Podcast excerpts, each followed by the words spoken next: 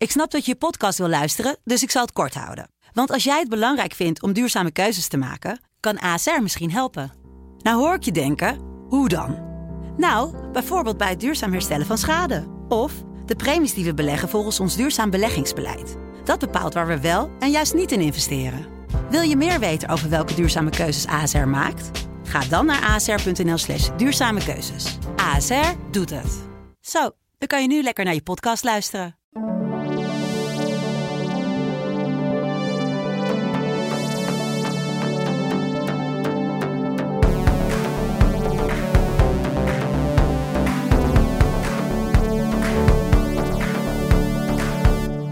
Welkom en leuk dat je weer luistert naar Songfestival Koorts, de podcast die je elke week even bijpraat over het nieuws in Songfestivalland. Dat doen we met Katja Zwarts. En met Richard van der Krommert. En als gast is aangeschoven Frank Otten, die delegation host is voor Noord-Macedonië vanaf deze week. Ja, correct. Gisteren hebben we, ehm, zijn we door uh, onze delegatie uh, supervisors van de Avrotros zijn we door uh, de delegation bubble meegenomen en de werkruimte voor de aankomende twee weken.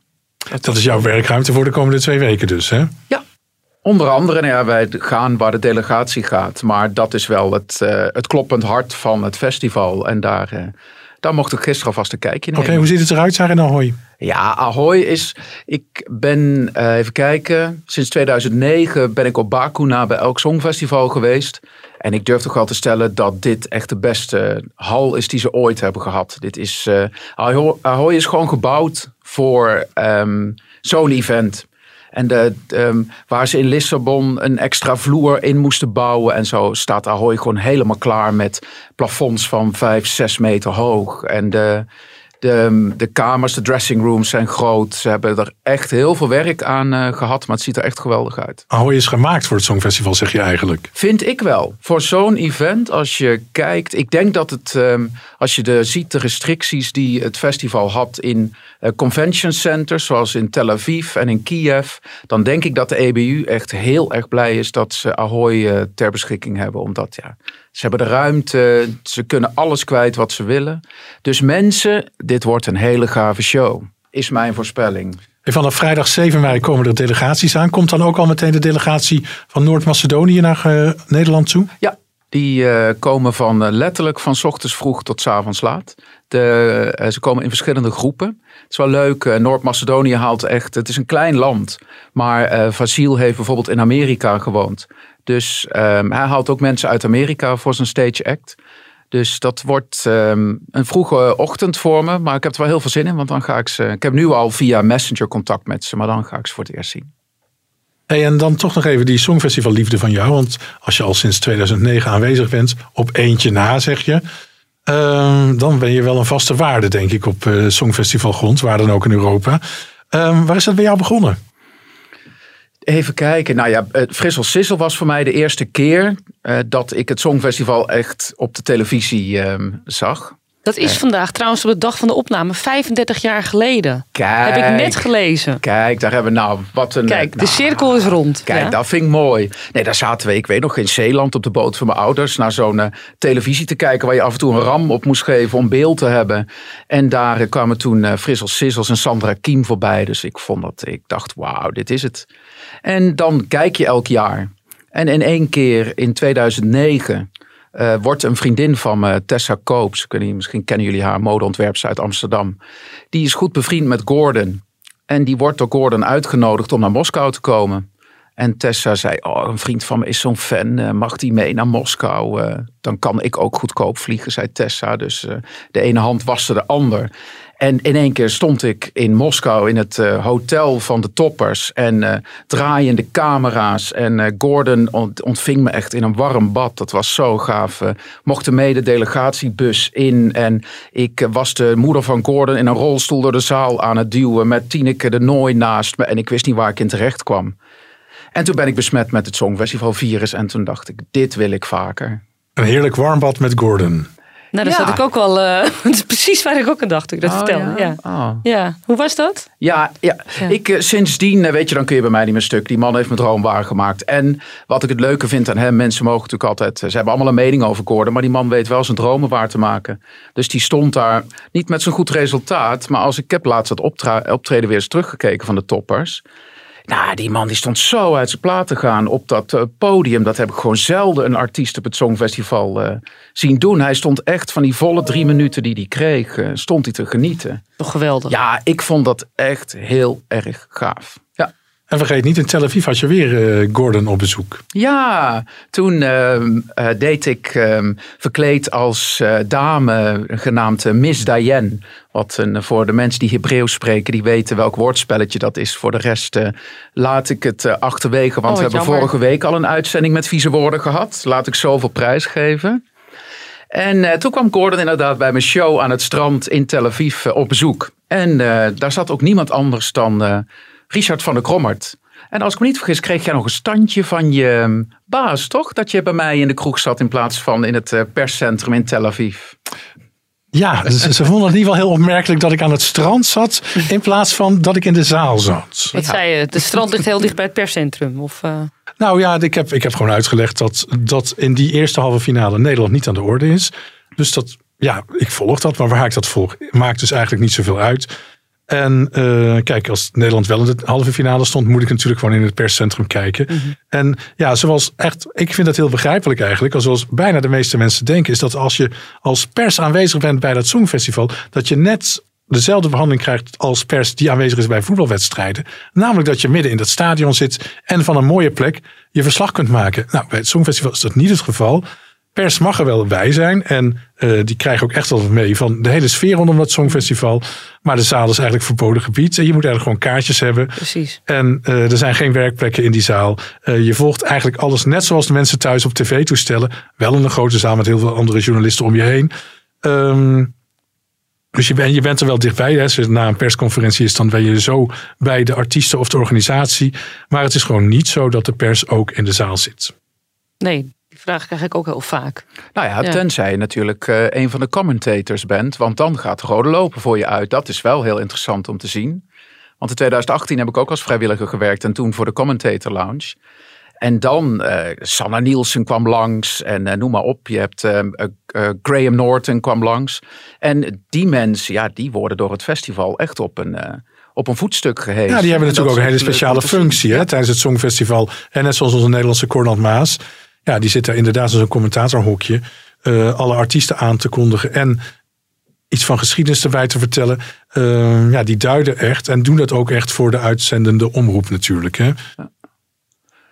Hey, eh, wat ik merk dat in Nederland en ook, nou ja, in ieder geval in Nederland, de Songfestival Awards echt is uitgebroken op dit moment. Ja, daar word ik heel blij van. Ja, toch? Ja. Dat is echt. Je merkt het overal. Ik ben dan de afgelopen dagen een paar keer in Rotterdam geweest. Jij ook. Ehm, daar zie je hoe de stad inmiddels aangekleed is. Een lint vanaf het Centraal Station naar, eh, naar Ahoy toe. Ehm, overal vlaggen van de Cool Single toe. toe. Nou, echt, het is echt een feestje om daar eh, alvast, eh, alvast rond te lopen, rond te fietsen of gewoon de metro te nemen. En ehm, er kan een extra dansje gedaan worden, want afgelopen week werd ook duidelijk dat er mensen in de zaal aan zitten. Nou, in ieder geval, dat was dus al bekendgemaakt dat dat de bedoeling was. Maar er is een, door het kabinet een klap opgegeven. Ja, het Songfestival mag ook echt die, dat testevenement worden zoals we bedacht hebben. Vorige week hadden we het hier in de podcast ook al even over met je, Katja. En toen zeiden we al, hè, van ne- 900 intensive care bedden is een beetje de maatstaf. Gaat het wel of niet door? Daar blijven we onder, lijkt het nu. En eh, bij binnenkomst moet dan wel iedereen hè, een geldig negatief testbewijs kunnen laten zien. Wat niet ou- ouder is dan 24 uur. En er zullen ook alleen maar zitplaatsen zijn in Ahoy. Eigenlijk heel begrijpelijk allemaal. Maar wel, ja, ik denk dat heel veel fans een dansje hebben gedaan. De voorverkoop begint zaterdagochtend 8 mei. En is eigenlijk alleen maar voor de mensen die vorig jaar al kaartjes hebben gekocht. Hoe dat precies in elkaar steekt, dat is op dit moment dat wij dit opnemen nog onbekend. Ik verwacht eigenlijk niet dat mensen die een pakket hebben gekocht van misschien wel negen shows, dat ze die kans opnieuw krijgen dit jaar. En het is pas, de verkoop begint pas 7 mei? Zaterdag 8 mei. 8 mei. Ja, Om 12 volgens mij uur. 12 uur 's middags. Ja. En inderdaad, voor de mensen die luisteren en die denken, nou ik had vorig jaar geen kaartje, ik geef de hoop op. Dat kan ik me heel goed voorstellen, maar je weet nooit wat er gebeurt. Je weet niet eh, inderdaad wat Richard zegt. Misschien de mensen die normaal naar alle negen shows mogen, mogen er nu maar naar één. Dus je weet het niet. Dus ben je groot fan en je wil eindelijk een keer naar het Songfestival in Nederland, zou ik zeker de website in de gaten houden. Oh, ik heb nog een heel zielig verhaal. Oh, en dat Een is? bekende van mij, die is al zijn hele leven Songfestival fan. Heeft als kind nog, eh, oh god, ik ben niet goed in de jaartallen van de jaren 50. Dansen Viesen van Denemarken. Oh ja, een 63, ja. Heeft hij als eerste eh, meegemaakt, op de radio geluisterd. Sindsdien geen enkel festival overgeslagen. Wilde dolgraag dit jaar naar Rotterdam. Maar hij is 71 geworden en dan mag je niet. Ach, Hè? ach Dat ja, mag er is niet. inderdaad Nee. een leeftijdsgrens. Er is een leeftijdsgrens. Leeftijdsdiscriminatie op het Songfestival? Ja, Hè? omdat je, terwijl hij al gevaccineerd is ook, hè? Hij is al gevaccineerd en alles. Ik heb twee er niks keer. over gehoord. Wat, waar die, Nee, die dat heb ik wel staat, gelezen. waar? Ja, tot, tot en met 70 jaar. Is, geldt dat alleen voor dit jaar of geldt dat voor elk? Nee, voor het is dit nooit jaar. eerder geweest, hè? Dus het is echt Oh, ik alleen voor dit jaar. Zeggen. Ja, maar die baalt als een Ja, sticker. ik kan me Ja, voorstellen. en dat vind ik zo sneu. Nou, je weet hoe het tegenwoordig werkt, hè? Gewoon met een zielig verhaal op Twitter. Voordat je het weet zit je bij uh, Nou, ik op denk- één. En ik, voordat je ik het doe weet nu zit je even bij het de zielige Songfestival. verhalen, zielige verhalen in Songfestival koorts. Misschien helpt dat. Ja. Ja, er is nog een klein addertje onder het gras. Hè. Er is een Ja. conflict eh, tussen Stichting Open Nederland en het coronatestbedrijf Lead Healthcare. Eh, dat echt even wat aandacht eh, behoeft, zeg maar. Ehm, dat coronatestbedrijf, hè, dat Lead, Healthcare, heeft iets van 30 teststraten in beheer in Nederland, waaronder die naast Ahoy staat. En ehm, het contract is opgezegd tussen Stichting Open Nederland en eh, dat coronatestbedrijf. En dat heeft te maken met een openstaande rekening van 35 miljoen euro. En eh, nu dat contract is opgezegd, zegt dat, zegt, wordt er gezegd dat op 15 mei er moet worden begonnen met het afbreken van de teststraat bij Ahoy. En dat is, ja, dat is voordat al die dromme mensen, de bezoekers, en halverwege, de, halverwege het hele Songfestival geweld. Want ja, Shocking nieuws. ja hoe Echt. ernstig Ja. is het, dat weet ik niet. Kijk, ik, ik weet wel dat er ondertussen door een concurrerend bedrijf aan de organisatie van het Songfestival een aanbod is gedaan om voor 10 euro per keer per persoon coronatests uit te voeren. Maar het lijkt mij ja, dat misschien gewoon de overheid even moet bijspringen. Er is een heel raar conflict ontstaan. Een miljoenenconflict hè, is het echt. 35 miljoen, ja, Ja. 35 miljoen. Ja. En, En, ook niet eh, alleen het Songfestival staat op losse schroef, maar ook de EK-wedstrijden in de Johan Cruijff Arena. Ja, Ja. Maar ik vind het raar, want eh, Richard, jij bent ook al bij Ahoy geweest. Dan zie je de teststraat van ehm, het Songfestival, maar daarnaast staat een teststraat van de GGD. Die eh, staat leeg, die wordt niet gebruikt. Dus dat zou toch wel heel erg de paarse krokodil zijn als we nu ineens alles, van, alles nog wat op gaan tuigen. ik denk dat onder druk alles vloeibaar wordt. Het is nog lang geen 15 mei. Ja. En dat zo'n conflict als dit gewoon in de kiem gesmoord wordt en opgelost. Ehm, maar dat het even spannend is, dat snap ik wel. ja, het is Eh, wel spannend. dit, en we moeten het ook wel serieus nemen dat eh, dit conflict over kennelijk eh, de facturen die zijn eh, in, eh, ingedicht. We hadden het net al eventjes over de voorbereidingen in, eh, in Ahoy. Ehm, ik ben ook zojuist even naar Ahoy geweest. En het eerste wat me opviel, want ik ga dan met, eh, met de trein en de metro en dan kom bij eh, Ahoy aan. En dan moet je een, een zebrapad over. En er is één plek in Rotterdam waar je echt bij het zebrapad iedereen even moet oversteken. Want daar hebben ze stoplichten. En als die op groen springen, dan hoor je dit.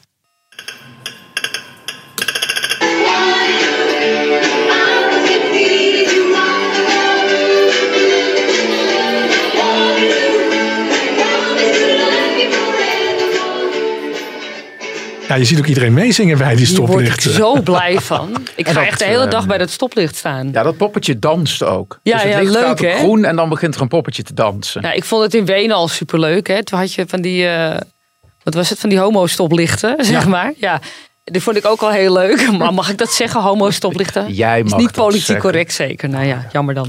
Maar die, die, werd ik ook, vind ik, vond ik, die vond ik heel gezellig en werd ik heel blij van. En nu hebben we muziek erbij. Ja, ik vind het echt eh, sowieso. het, eigenlijk, Rotterdam wordt de kans ontnomen om zichzelf op de kaart te zetten. Er is geen Euroclub en er wordt zoveel minder reuring in de stad. Ja. En toch knallen ze er alles tegen aan om, er een, eh, om de stad te laten weten dat het festival in town is. Dus uh, ja, het is echt heel erg leuk. Van het moment dat je centraal binnenkomt tot aan Ahoy, dat, uh, dat toch wel vrij vrolijk, uh, met veel kleuren, al die teksten, die banners en zo. Je komt echt wel in de Ja, wat dat betreft, ik vind het ook alweer een beetje jammer dat er maar één van zo'n stoplicht is. Als is er maar één? Er is er maar één. En dat alleen voor de ingang van Ahoy. Ik sprak vandaag nog even oh. de woordvoerster van de gemeente Rotterdam daarover. Van, zijn er niet meer? De hele koolsingel moet wat mij betreft daarmee volstaan. Ja, en de Wena ook. En de hele Rimram in Rotterdam. Maar het is er maar eentje. Hmm. Dus uh, je wordt ja, wel echt vrolijk. Het is net als met seks. Beter één dan geen. Ik zeg niks. ja. Hey, de afgelopen weken zijn er al heel veel repetities geweest in Ahoy. Presentatoren hebben van alles geoefend. Dansers zijn er geweest, de pauzeacts. Uh, ook zijn uh, met alle landeninzendingen stand-ins, stand-ins gedaan met uh, allerlei, allerlei studenten. Frank weet daar iets van. Vertel. Nou, hij mag natuurlijk niks vertellen. Nou ja, weet je, ik ga natuurlijk voor een podcast mijn accreditatie zeker niet in gevaar brengen. Maar een van de leuke dingen van het mogen zijn van vrijwilliger bij het Songfestival is dat je het proces echt van vooraf aan meemaakt. En dan sta je naar dat, naast dat podium. Het is zo spectaculair. En dan zie je gewoon ineens een land, inderdaad, een stand in uh, rehearsal doen. En dat doen ze echt heel goed, want dat, uh, dat wist ik niet. Dan worden er um, studenten van een uh, muziekopleiding of dansopleiding worden naar ja. het festival gehaald. Die studeren eigenlijk de hele act al in. En zijn letterlijk stand-in voor de artiest. En uh, dan uh, zingen ze het lied ook live.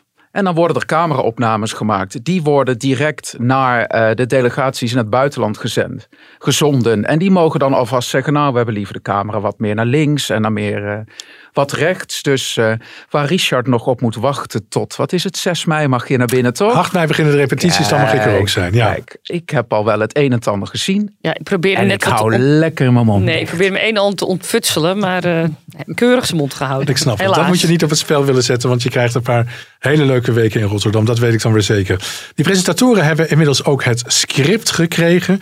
Uh, en daarover hebben ze afgelopen week even bij het tv-programma Op 1 gesproken. Daar wil ik je even een fragment van laten horen. Een paar weken geleden hebben we het, het, script gekregen. Dat is dan een soort van het definitieve script. Maar inmiddels is daar weer best veel aan veranderd. En wie schrijft dat dan bijvoorbeeld? Uh, dat schrijft Gerben Bakker. Dat is uh, de eindredacteur. Oh, is er eentje? Um, niet helemaal is er eentje. Dat is ook met een, een native speaker. Een, een Engelse dame, Claire, Claire King. Fantastische naam, Claire King. Um, en uh, dat, dat gebeurt dan. Is zij dan uh, is zij iemand die al vaak uh, met Songfestival moeienis heeft gehad? Het Songfestival, dat weet ik niet. Ik, niet ik denk dat zij meer weten. voor de taal, Engelse taal. Ze is voor de Engelse taal. Maar Nederland heeft dus wel de ehm, vrijheid om zelf het script te schrijven.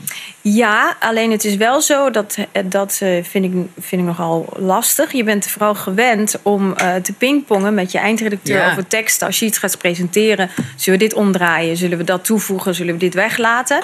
Um, dat is niet zo dat dat nu een pingpongspel is. Dat moet wel allemaal weer naar de EBU. Dat dus, moet wel dus allemaal als jij, weer... als jij een, tekst anders wil hebben, een woord anders wil hebben... dan moet je dat met Gerben bespreken. Dan ja. wordt dat weer met de EBU besproken. Of dat mag, ja of nee? Uh, ja, als het grote veranderingen zijn, wel. Niet dat, dat ben je natuurlijk niet gewend. Uh, nee, maar dat is denk ik geen één presentator. Nee, nee, nee maar goed, nee. je kan ook zeggen van... Uh, ik doe toch stiekem. Uh, nee, dat, dat, dat, dat, kijk, de, het is live. Ja, maar dat moet je, doen, die zit, nee, die ogen branden in mijn rug. Nee, uh, nou, ik, ik, ik zie nu wel, er moet ook veel verteld worden. De, de, de regels. Heel veel, ja. Ja, er zijn gewoon dingen die erin moeten. Absoluut. Ja. Ja. En, en, die maar zijn leidend. Is er wel nog vrijheid? Want dat probeer je natuurlijk uit te vinden. Dat probeer ik. Er is altijd wel vrijheid. Wat het wel zo is, um, ook voor de timing. Je, je, je moet daar niet ineens een heel verhaal gaan houden en denken, nee, nou, dat, dit wordt een sketch. Ik maak net een grap over Luxurious en uh, Lithuania. Want uh, Edcilia, uh, je moet natuurlijk allemaal, we, kennen, we spreken natuurlijk allemaal leuk Engels. Engels, ja, precies. Maar natuurlijk, dit is wat totaal, totally complete, something different. Yes, absolutely. How did you do that? Well, practice, practice and reading, reading. Nee, het is echt zo. Want ik bedoel, ik zing ook Engels. Dus het is niet dat ik opeens geen Engels kan. Maar het is meer dat je bepaalde woorden die de tong of zo niet echt willen. Of Lithuania, dat is een TH. Dus Lithuania of luxurious. Heel goed. Ach, ik heb Nicky wel honderd keer inspreken. Maar dat, zo, dat woord moet je dan, moet je dan uitspreken. Ja, ik heb nu wel geskipt. Ik bedoel, op een gegeven moment... Het woord zit er niet meer in. Nee. Oh nee, maar dat vind ik ook. Want het is, want Maar ik iedereen wil dat even voor de leren. mensen thuis. Want Ja. dat- in je tekst staat dan het woord lux- luxurious. Je hebt Luxurious. Nou, als, iets ik, thuis. als ik er te veel over struikel, dan vraag ik of er een ander woord mag gebruiken. Dan moet je dan vragen Gerben. Ja, en, ja maar dat, dat zijn kleine Ja, dingen. maar dat is eerst deed jij dat niet. Want zij is dan dus eh, heel volgzaam. Dus zegt ze, nou komt ze er niet uit. En dan zeg ik van, eh, als, jij moet het straks zeggen. Ja. eh, pleur het woord eruit. Gewoon een ander woord. Dat zei jij. Wij moeten Ja, het zij zegt tegen mij dat doen. En dan denk ik, Nou ja, go. omdat straks als wij er aan te stuntelen, zegt niet iemand thuis. Ja, dat komt natuurlijk door die eindredacteur. Ze moesten dat Nee, bent- Nee, Ja. dan komt Wij zijn het. Ja, precies. eh, nou, dat is toch heel spannend. eh, en een halve worsteling eigenlijk. Maar goed, Frank, jij wilde wat zeggen. Nou, Zoals- wat ik zo leuk vind aan het Songfestival en Katja en ik denk Richard beamen dat ook. Je kan bijna uit elk gesprek over welk onderwerp dan ook wat gevoerd wordt een Songfestival-referentie halen. Altijd. Altijd, overal. toch? Altijd overal. Altijd, Mensen worden gek van mij. Juist. En toen zei ineens Chantal, pingpong. Nou, kom, stel me niet teleur. Richard, oh, wat Katja. Pingpong, ik ken alleen een Israëlische Nou, inzending. ja, dat bedoel ik. Oh, die!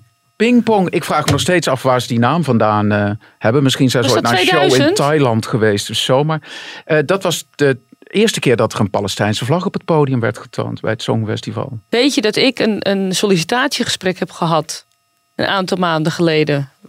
Waar, mij, waar degene die mij aannam zei op het eind: Ja, alles leuk en aardig, maar eh, jij bent toch Songfestival-liefhebber? ja. Wat is toch dat liedje met die vlaggetjes en die ik kan er maar niet opkomen en ik zoek het al jaren. Ik zou Israël 2000. Godzijdank, zegt ze.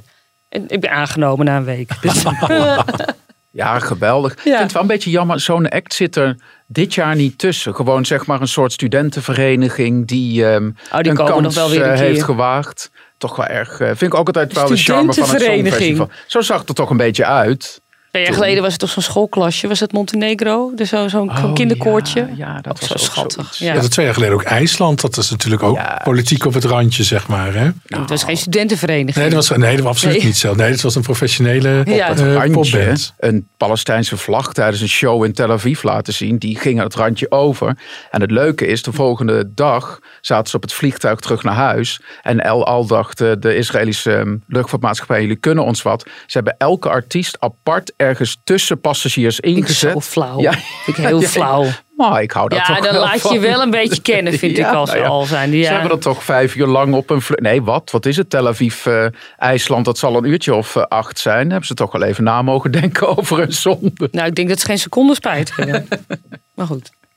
Hey, eh, ook de deelnemers zijn eh, druk met de voorbereidingen. eh, waaronder Stefania. Stefania. Ste- Stefania. Nou, ik ga je dadelijk laten horen hoe je het uit moet spreken. Nou, dat ga je mij niet vertellen. Ik ben, ik ben opgegroeid met de Griekse taal. Nee, dat snap ik. Maar ik heb er dus even gesproken. En ik heb, we zijn het gesprek begonnen met van hoe moet ik je naam nou precies uitspreken?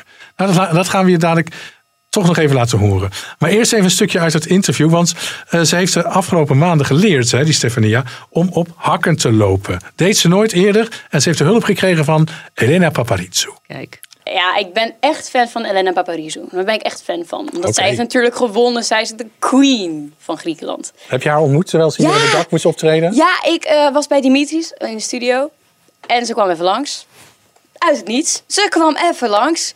De koningin. Ja, ik vind haar zo geweldig. En het eerste wat ze zei was... Zij, zij is zo open. En het eerste wat ze zei was in het Grieks dan... Oh, mijn liefje. Oh, mijn schat. Oh, wat leuk dat ik jou eindelijk kan ontmoeten. Oh, je bent zo knap. Oh, ik hou van jou.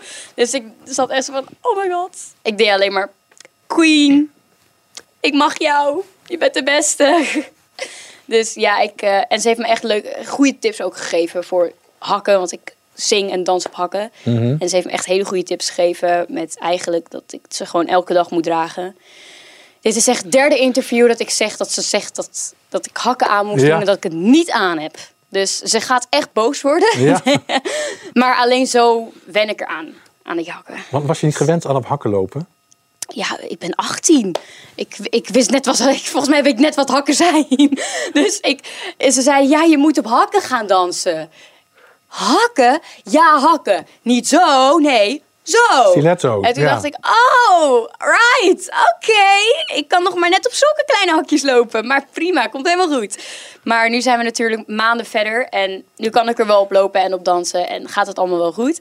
Maar het blijft een beetje eng of zo. Dus het is, ja, ik voel me wel heel, heel vrouwelijk erin. Dus ik voel me echt zo, eh it's me. Zo voel ik me een beetje erin, in die hakken, ja. Maar ik ben benieuwd, maar dat gaan we dus zien op het podium. Hoe jij op hakken beweegt. Hè? Ja, hoe ik op hakken Ja. beweeg. Nou, succes. Disaster. Ja, de- ze gaat op hakken lopen. Leuk, hè? Het, het Sila deed het natuurlijk ook. Die was volgens mij ook 18, toch? Helemaal Oh ja, aan aarde in 1998. Ehm, en dat zag er ook indrukwekkend uit. Ik weet niet wat... eh, Nou, Celia heeft ooit verteld dat ze niet zo blij was met de outfit van toen. Dus dat ze zich daar niet zo fijn in voelde. mhm. Maar goed, dat, dat zag je er niet aan af. Nee, toch? Nee, dat ging heel goed. eh. En Stefanie heeft niet alleen over haar hakken gesproken met me, maar ook nog even kort over haar outfit. Ik wist dat deze vraag zou komen. Ik zei het nog tegen je voordat we gingen beginnen. ja, het is... eh Vretos Vretakos maakt mijn outfit. Die Dus is heel bekend volgens mij. Heel Vertel er bekend. Hij heeft echt hem. ja. super veel dingen gemaakt voor Beyoncé, Jennifer Lopez. Iedereen die waarvan je denkt, wauw. Ehm, dus als je naar zijn Instagram kijkt, dan zie je al meteen een beetje wat het kan worden. Het is altijd sexy wat die man maakt. zipt. Ik zeg niks. het wordt in ieder geval wel echt super vet. Ik heb hem al gezien. Ik heb hem zelfs al aangehad. En ik vind, ik ben, ik ben helemaal verliefd op pak. En hij is nog niet eens af. Dus ik had hem aan en hij zei, Stef, dit is het nog niet. En ik zei, huh? Hij zei, ja, dit komt er nog bij, dat komt er nog bij. En toen zei ik, van, maar ik vind hem nu al top. Hij zei, ja, maar dit is het nog niet. Dus gewoon niet denken, gewoon uitdoen en dan zien we het volgende keer wel. Dus ik dacht van oké, maar ik was, ik was toen al helemaal in love. Dus het is geweldig. Ik ben echt heel erg blij mee. En ik bedank hem ook elke keer zo van dank je wel dat je het voor me hebt gemaakt. En kun je vertellen, toch, we blijven even bij dit podium, Ja. eh, wat voor sfeer je wil uitstralen? Positief. Ik wil gewoon dat iedereen opstaat en dat iedereen meedanst, meezingt en dat het gewoon een feestje wordt. Dat, dat, dat wil ik, dat bereiken. Ja. En je neemt een paar dansers mee natuurlijk. Ja, ja, die zijn heel erg leuk. Ja, die dansen mee, want om alleen daar te staan dansen, last dance, dat, ja, dat is een beetje saai. Dus wij dachten, we doen er lekker vier dansers bij. En eh, ze zijn alle vier super lief. Ze helpen me echt heel erg, ze zorgen voor me. En met hun kan ik ook leuk praten. Het zijn gewoon eigenlijk nu gewoon vrienden van me geworden. Ja, Stefania, ze, ze klinkt als een kind in een snoepwinkel. Ja, heerlijk, heerlijk. Alleen dat eh, gaat in Ahoy niet gebeuren. Dat mensen opstaan en gaan dansen. Want dat mag niet van de COVID-regels. Oh ja, dat is waar. Ja, ja. nou ja. En ik eh, heb wel goed nieuws. Eh, mocht Stefania luisteren, dan eh, als een man met maat 44 in hakken kan lopen, dan eh, ga ik met haar nog wel een paar keer eh, door die delegation babbel op hakken. En dan komt dat helemaal goed. Ik word heel enthousiast van haar. Zo leuk. Ja, Ja, en ik wist dus niet dat ze, ehm, dat wist ik pas sinds vorige week, dat ze dus voor Nederland mee heeft gedaan aan het Junior Songfestival. Ja, ja, ja. zo leuk. Ja. Maar hoe spreek je die naam nu uit? Dat, dat heeft ze je gezegd. Stefania is het, hè? Ja, Ja, wil je het zelf ook nog een keer zeggen? Want dan, Stefania. Stefania, kijk. Er is een boek verschenen over 65 jaar Songfestival in België. En eh, twee auteurs hebben, hebben geprobeerd met zoveel mogelijk artiesten te spreken die hebben meegedaan voor België. En hun eigenlijk gewoon vaak ontgoochelende verhalen eh, neer te zetten. Want het ging België eigenlijk nooit zo verschrikkelijk goed op het Eurovisie Songfestival. Eh, een van die auteurs is eh, Jasper van Biesen. En ik heb hem even opgebeld en gevraagd of hij kan uitleggen over het hoe en waarom van zijn boek over 65 jaar België. Dat boek moest er eigenlijk vooral komen omdat in Nederland daar zijn al enkele boeken verschenen over jullie Songfestival geschiedenis. Maar eigenlijk een Belgisch boek was er nog niet. En ja, als we dan gaan kijken naar hoe de Belgische deelnames verlopen zijn, dan kan je toch wel stellen dat de Belgen heel vaak allerlei zaken hebben meegemaakt waar letterlijk een verhaal over te vertellen is. En heel makkelijk aanleunt bij verhalen die in een boek komen. Hey, als ik die eh, verhalen zo eh, lees in jouw boek, dan is het de ene na de andere ontgoocheling, lijkt het wel. Het is jammer, ja. België heeft heel vaak met hoge verwachtingen deelgenomen aan het Songfestival. Bijvoorbeeld Kate Ryan waren we een van de topfavorieten. Ook met Xandy. En dat is dan meestal valikant afgelopen. Maar het leuke aan het boek is dan, of, of toch het, het onthullende aan het boek, is dat je te weten komt waarom hebben die kandidaten het eigenlijk uiteindelijk veel minder goed gedaan. Wat is er achter de schermen gebeurd? Maar bijvoorbeeld Tom Dice, Laura Tesoro, Blanche, Sandra Kim, onze enige winnares, die komen ook allemaal in het boek voor. En dat zijn wel succesverhalen, maar de balans is een beetje negatief, klopt. Ja, en wat is dan het succes van de drie namen die je net noemde? Hoe komt het dat zij wel wisten te scoren? Bij Sandra Kim, ehm, en dat is dan misschien mijn eigen mening, komt dat omdat 1986 een vrij matig songfestivaljaar is. Ik zeg altijd, hadden we toen niet gewonnen, dan winnen we echt nooit meer. Want ik vond Melavie toen echt wel er met kop en schouders bovenuit steken. En het is ook wel een oorburm, gebracht door een guitig meisje op dat moment. Blanche, opnieuw een heel erg goed nummer. Dat is ook de reden bijvoorbeeld dat Duncan gewonnen heeft in 2019. Jullie kwamen echt op de proppen met een, een grote hit. En City Lights van 2017 was dat ook wel. Want uiteindelijk, de act van Blanche, die was ook maar over. Maar City Lights bleef overeind staan. En dan Tom Dice, dat kwam eigenlijk vooral omdat er op voorhand enorm hard gewerkt is aan die act. En aan ehm, hoe Tom op het podium ging staan. Want ook daar is de omroep soms een beetje de mist ingegaan in bepaalde jaren. Maar in 2010 ja, stond eigenlijk alles als een huis. Tom in zijn eentje op het podium met zijn gitaar en dan ook een heel makkelijk liedje eigenlijk brengend. En dan zijn we toch mooi zesde geworden. Ja, dat kun je wel zeggen. En die zesde is eigenlijk ook de allerhoogste plaats die een inzending uit Vlaanderen ooit heeft gehaald. Is dat verschil tussen Vlaanderen en Wallonië te verklaren? Ja, dat is eigenlijk wel frappant, want de populariteit van het Songfestival is veel hoger in Vlaanderen dan in Wallonië. Dat zie je ook in de kijkcijfers. Bijvoorbeeld ehm, een halve finale haalt hier met gemak 800.000 kijkers. Terwijl de Franstaligen dan volgen met 300.000 kijkers ongeveer. Dat is 500.000 verschil. Um, dat is wel frappant. Maar de laatste jaren hebben we toch gezien dat ook RTBF opnieuw moet gaan nadenken over hun um, inzendingen. Want zowel, ja, eigenlijk vooral Elliot nu, heeft het toch in 2019 um, niet zo goed gedaan. En er zijn ook in de geschiedenis enorm veel uh, voorbeelden te vinden van, van uh, Walen die ook minder goed hebben gescoord. Maar natuurlijk, ja, bijvoorbeeld opnieuw Blanche, Sandra Kim, Urban Thread 2003. Ja, dat waren Waalse inzendingen. Maar ik probeer het toch te benaderen als Belgische inzendingen. Daarom dat ons boek ook uh, 65 jaar België op het Songfestival heet. Er zijn geen verschillen met Wallonië of Vlaanderen. Heel het land komt aan bod.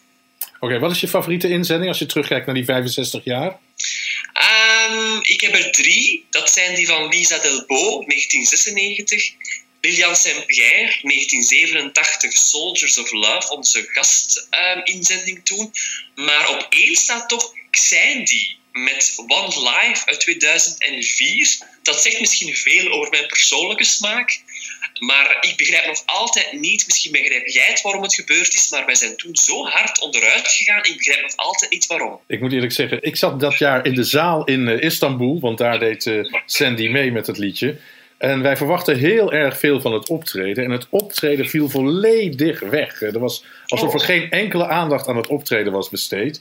Dat liedje was leuk, maar het was in drie minuten echt. Dat, dat was voorbij. Het was alsof er niemand had opgetreden. Zo leek het in, zo leek het in ieder geval in de zaal in Istanbul destijds. Hey, dit jaar, uh, Jasper, gaat Hooverphonic. Ik heb in deze podcast al een paar keer gezegd dat ik het tot een van de potentiële winnaars uh, vind. Oh. Een van mijn drie favoriete inzendingen van dit jaar. Gaat België nou eindelijk weer een keertje winnen dan? Eerst en vooral, Richard, bedankt voor de complimenten. Het is fijn te horen dat er toch um, fans zijn van het Belgische nummer. Want de meeste fans zijn toch een beetje um, warm nog koud. Dus ik denk dat België pas tevoorschijn gaat komen tijdens de repetities en tijdens de live shows. En dan moet het ook gebeuren. Maar uh, hoe graag ik ook het wil meemaken dat mijn landje eindelijk eens wint als ik geboren ben, want in 86 was ik er nog niet, denk ik toch dat het nu niet gaat gebeuren. Nee, nee. Maar ik hoop op een heel erg mooie notering. En na twee uitschakelingen met Sennik en Elliot willen we gewoon terug in die finale. Dat moet gewoon gebeuren. En uh, terug in de finale. Ik vind, ik vind uh, dat dit nummer het absoluut verdient. We hadden een klein voorgesprekje en daar zei je: het wordt een gevecht om de tiende plek in die halve finale met Azerbeidzjan. Ja, ik denk dat. Ik denk dat. Omdat Azerbeidzjan ook in 2018 bijvoorbeeld rond die tiende plaats um, zat, zijn toen niet uh, doorgegaan. En ja, als ik dan de, de lijst erbij neem van alle landen die potentieel volgens mij zeker doorgaan, dan kom ik nog bij een paar landen uit die vechten voor de tiende plaats. En dan denk ik onder andere aan Azerbeidzjan en ja, België. Nou, ik kan één ding zeggen. Lees dat boek van uh, Jasper van Biesen. Het is echt leuk. Het, is, het staat vol met rare wendingen en uh, heel veel treurige verhalen. Maar dat zijn vaak de beste verhalen. Dus Jasper, dankjewel voor nu. En geniet dit jaar van het Eurovisie Songfestival in Rotterdam. Jullie ook. Veel succes in Nederland daar.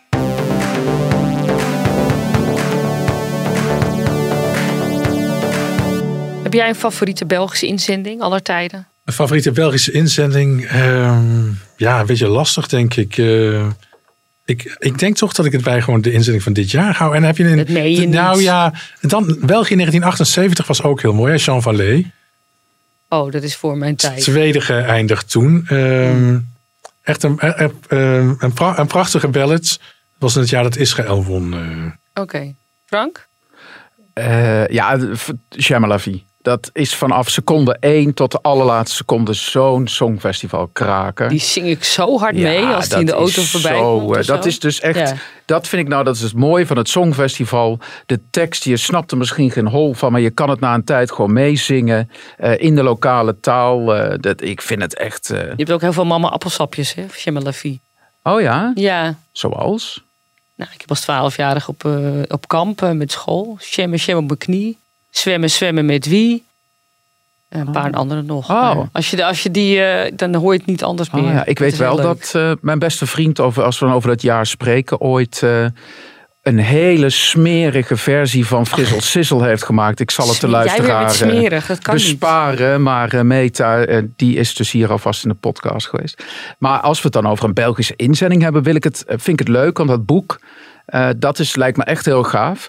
Alleen ik heb hier ook de strip van uh, Dolly Bellefleur en Margrethe Heer uh, voor me liggen. Ik heb hem voor. Mag ik er iets over vertellen, Richard? Jazeker, jazeker. Of wil je um, dat op een later nee, nee, tijdstip nee, doen? Nee, prima. Als er, er is nog een boek uitgekomen. Dat Ja. is Songfestival en Strips. Boek van Margrethe Heer en Dolly Bellefleur. We hebben een aantal weken geleden in de podcast Margrethe ook te gast gehad. En hopelijk volgende week Dolly Bellefleur te gast. Dan gaan we het wat uitgebreider over dat boek hebben natuurlijk. Maar je hebt het al doorgebladerd en eh, goed gelezen, denk ik. Ja, Dus ik, ehm, ik zat om eh, zes uur 's ochtends bij het accreditatiecentrum. Dan is het vrij rustig. Dus ik had een mooie tijd om dit, eh, die Songfestival, dat eh, het stripboek door te lezen. En het leuke is normaal een stripboek blader je door en dat is één co- coherent verhaal. Mhm. Maar dit is allemaal zo, je wordt van de ene emotie in de andere meegesleept. Het is echt heel erg leuk eh, om te zien. En we hadden het over een Belgische inzending. En als ik me niet vergis, en dat kun je er volgende week misschien vragen... was Dolly Bellefleur erg gecharmeerd van Rendezvous. Kennen we dat lied nog? En de dada toe. De maat is vol Ja, en, en mijn de- kop is toe. Ja. En dat was letterlijk de enige tekst die er in dat hele ding... Dat was met zo'n synthesizer. Die man deed allemaal rare dingen Welk met zijn sjaaltjes. Welk jaar? Weet je, 81 of zo moet dat geweest zijn. Ja. Ja, dat moet je echt Begin terugzien. jaren 80 Dat- denk ik. Ja, ik ja. onthoud niet alles, maar ik ga even terugkijken. Ja, dus vanavond. dat Ja. dacht ik, oh wat interessant dat iemand dat eh, een leuk lied vindt. Maar zo zie je maar. Misschien dat je Dolly eh, kunt vragen als ze in de uitzending is. Ja, ja, de Katja is favoriet dan nog.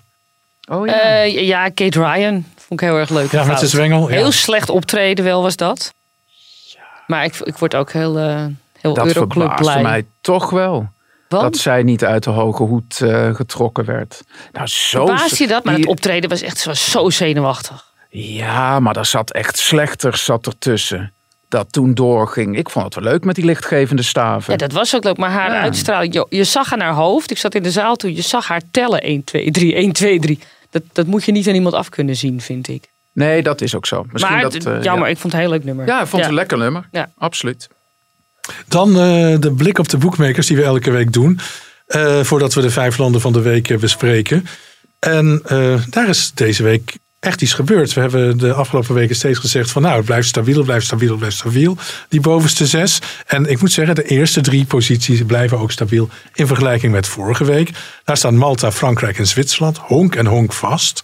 Ehm, maar op vier zien we ineens nieuw in de top 6 IJsland binnenkomen. Hoera! Ja, dat is toch best een verrassing. Op vijf, nou die stond vorige week ook op vijf, dat is Bulgarije. En op zes, ook nieuw, komt de uh, inzending van Litouwen tevoorschijn. Maar hoe komt dat dan? Is er dan weer in een podcast gezegd in, in Frankrijk, net zoals bij ons? dat, Zoiets moet het geval zijn. Griekenland is inmiddels teruggevallen naar de twaalfde plek. Ja, de waarheid is boven tafel gekomen. Twan heeft je gezegd, dank je wel op zijn Grieks katje. Efgaristo. Ik heb geen idee hoe het komt, maar in ieder geval, het is dan wat ten koste gegaan van twee andere landen die uit de top 6 zijn geduikeld. En dat zijn Italië en Zweden. België blijft ook heel honkvast. Vorige week stond het nog 18e, deze week ook. En Nederland stond vorige week nog op een 35e plek. En staat nu op een 28e plek. Dat vind ik nogal een sprong. Applaus, in ja, applaus. Ja, ja, maar waar, waar verklaar je het door? Ja. Het is echt uh, wat die boekmakers... Nee, uh, dat weten wij ook wel. Maar we moeten een beetje blij. Ik ben heel erg benieuwd. Want uh, we hadden er toevallig over met een paar vrijwilligers. van hè, wat, wordt, wat voor songfestivaljaar wordt 2021 nou? En ik heb gewoon het idee dat we nog wel eens naar een kijkcijferrecord kunnen gaan. Want mensen hebben letterlijk niks anders te doen op zaterdagavond. Het is het eerste grote event eh, met een competitie-element wat op televisie wordt uitgezonden. Dus er zouden zomaar eens mensen naar het festival gaan kijken die normaal denken, ach laat het aan me voorbij gaan. En die ineens een, een hele eigen stem uit gaan brengen, waardoor de telefoon nog wel eens uh, maar die heel die, interessant die kan kijk, worden. Denk je dat die dan ook gaan stemmen ook meteen? Dat denk ik dan niet. Nou ja, je kunt via uh, internet het, tegenwoordig stemmen. Het wordt je wel steeds makkelijker gemaakt. En als je echt een liedje hebt van, nou, dat vind ik echt leuk. Waar je enthousiasme voor hebt. En ik ben echt heel benieuwd welk liedje dat dan ik zie bijvoorbeeld ook in één keer Duitsland het op die manier ineens veel beter doen dan we denken. Duitsland? ja, houd toch op. Ja, nee, maar ik, persoonlijk zeg ik maar, als er inderdaad een ander publiek naar het festival gaat kijken, kun je ook in één keer iemand. Ik bedoel, hoe zijn we verrast door Noorwegen in 2019 als televoot winnaar? Kwam ook uit het niets. Er had, geen enkele boekmaker had dat voorspeld. Maar dat is het leuke van die boekmakers, dat dat op een gegeven moment dat het in elkaar stort. Het Sterker nog, als het alleen de juryleden waren, had Noorwegen de, de, finale niet eens gehaald. Nee, precies. Dus dat vind ik echt wel. Dus ik ben heel erg benieuwd wat voor resultaat we op 22 mei op het scorebord krijgen. Ja, wat Nederland betreft, ik weet het ook niet, die, die sprong. We hebben het vorige week natuurlijk wel even gehad. Ja. Over de act van Nederland, waarin de visuele animatie uh, wordt ingezet. Hebben we Jean-Gu ook nog even wat over laten zeggen. Uh, ik denk niet dat het daarmee te maken heeft, want dat nee, ben natuurlijk ook, ook vaag. Maar nee. dat was wel heel erg interessant om oh, te misschien horen. heeft gewoon met de Songfestival koorts te maken. Ja, wie het ook spannend houdt is natuurlijk Duncan Lawrence. Uh, die gaat natuurlijk dit jaar het Eurovisie Songfestival openen op dinsdag 18 mei. En uh, waar we in Tel Aviv geëindigd zijn met het optreden van Duncan Lawrence en zijn witte lichtgevende bal, mm -hmm. beginnen we natuurlijk in Rotterdam ook met die witte lichtgevende bal van, van Duncan. En ik hoop dat we, want er was heel veel te doen om het optreden twee jaar geleden van, van Nederland. Er ging echt van alles mis. Er is nog een bal uit België ingevlogen op een gegeven moment naar Israël. En ook de Nederlandse delegatie was, ja, was best wel. Had, was er niet tevreden mee hoe de Israëlische regie dat heeft, uiteindelijk heeft uitgevoerd. Oké, het resultaat was er naar uiteindelijk, maar had misschien groter kunnen zijn. En ik hoop dat de Nederlandse omroep volgende, nee, of dinsdag 18 mei bij de opening van het Songfestival aan Israël, aan de Israëlische regie laat zien hoe het optreden van Arcade er wel uit had moeten zien. En dat we zo met het Songfestival beginnen. Natuurlijk houdt het daarna spannend als we het hebben over de Billboard Hot 100. Twee weken geleden hadden we het hier over dat hij binnenkwam op nummer 100. Vorige week moesten we constateren dat hij bij die bovenste 100 niet meer stond. Maar deze week komt hij ineens weer binnen op nummer 94. Ja, en dan ja. komt pingpong dus ook weer langs. Ja. ja. Maar wat ik grappig vond, dat we zijn niet geëindigd met die bal in Tel Aviv. Want dat vond ik nog steeds zo'n grote schande. Dat Nederland wint eindelijk het festival. En de Israëlische regie krijgt het niet voor elkaar om dat op dat optreden na te bootsen. Hij stond dat, daar met zijn dat delegatie. belangrijk? Nou, ik vind als je zoveel moeite in een optreden hebt gestoken en je, uh, je wint het festival, dan vind ik dat de regie toch ook zijn best mag doen. Dat jij je act nog één keer in al zijn glorie kunt laten zien. Duncan, uh, Duncan vond het zelf ook niet leuk. Dat zei hij naar de hand ook. Hij zegt: Ik stond daar.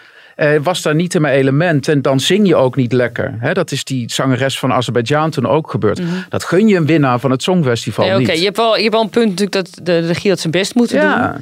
Maar ik als kijker maakt het mij niet meer. We, we hebben het toch al gewonnen. Maakt mij uit of die bal toch naar beneden komt of niet. Nee, maar ik denk voor zo'n zanger, denk ik, dit is je moment. Dat krijg je misschien één keer in je leven. Zorg dan. eh, Dus dat vond ik wel jammer om te zien. Maar goed, die Kijk, regie in eh, Tel Aviv, er waren wel meer verhalen over. Hè? Nou ja, wat, eh, maar in ieder geval, we zijn dus niet met die bal geëindigd. Dus ik kan me best voorstellen dat de Avrotros dan denkt... dit, wij gaan het inderdaad laten zien zoals we het destijds bedoeld eh, hadden. Dat ik hoop wel, het. Ik eh, hoop het. heel De revanche in. Rotterdam. Ja. Met een megabal. Ja.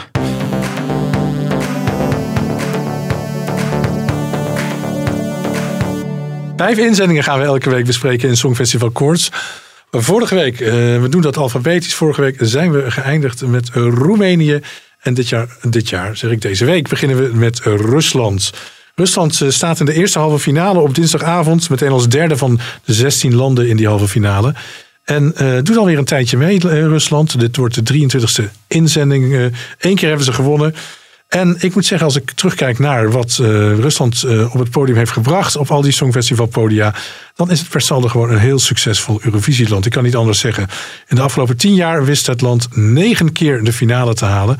En uiteindelijk daarvan belandde het zes keer bij de bovenste tien. Dit jaar stuurt het land het lied Russian Woman. En dat gaat over, nou ja, hebben we misschien daar nog wel even over, over het zelfbewustzijn van vrouwen in Rusland door de eeuwen heen. En de zangeres Manissa, die werpt zich op voor inderdaad vrouwenrechten en ook voor LHBT-rechten. Ze is geboren overigens in eh, Tajikistan. En dat is ook onderwerp eh, van gesprek geweest. Eh, ze hebben we besproken al in de podcast enkele weken geleden. In de regel krijgt Rusland veel punten uit Wit-Rusland. Nou, die is er niet bij dit jaar. Estland, Letland, Israël, Litouwen en Oekraïne. Laten we eerst even luisteren naar een stukje van Russian Woman. Pole, pole, pole, пройти по полю из огня? Как пройти по полю, если ты одна? Ждать это ручечки, ручки. А кто подаст мне ручку, девочки? Испокон веков, с ночи до утра, с ночи ночи ждем мы корабля, ждем мы корабля. Очень-очень ждем мы корабля, ждем мы корабля, ждем мы корабля. А чё ждать? Встала и пошла.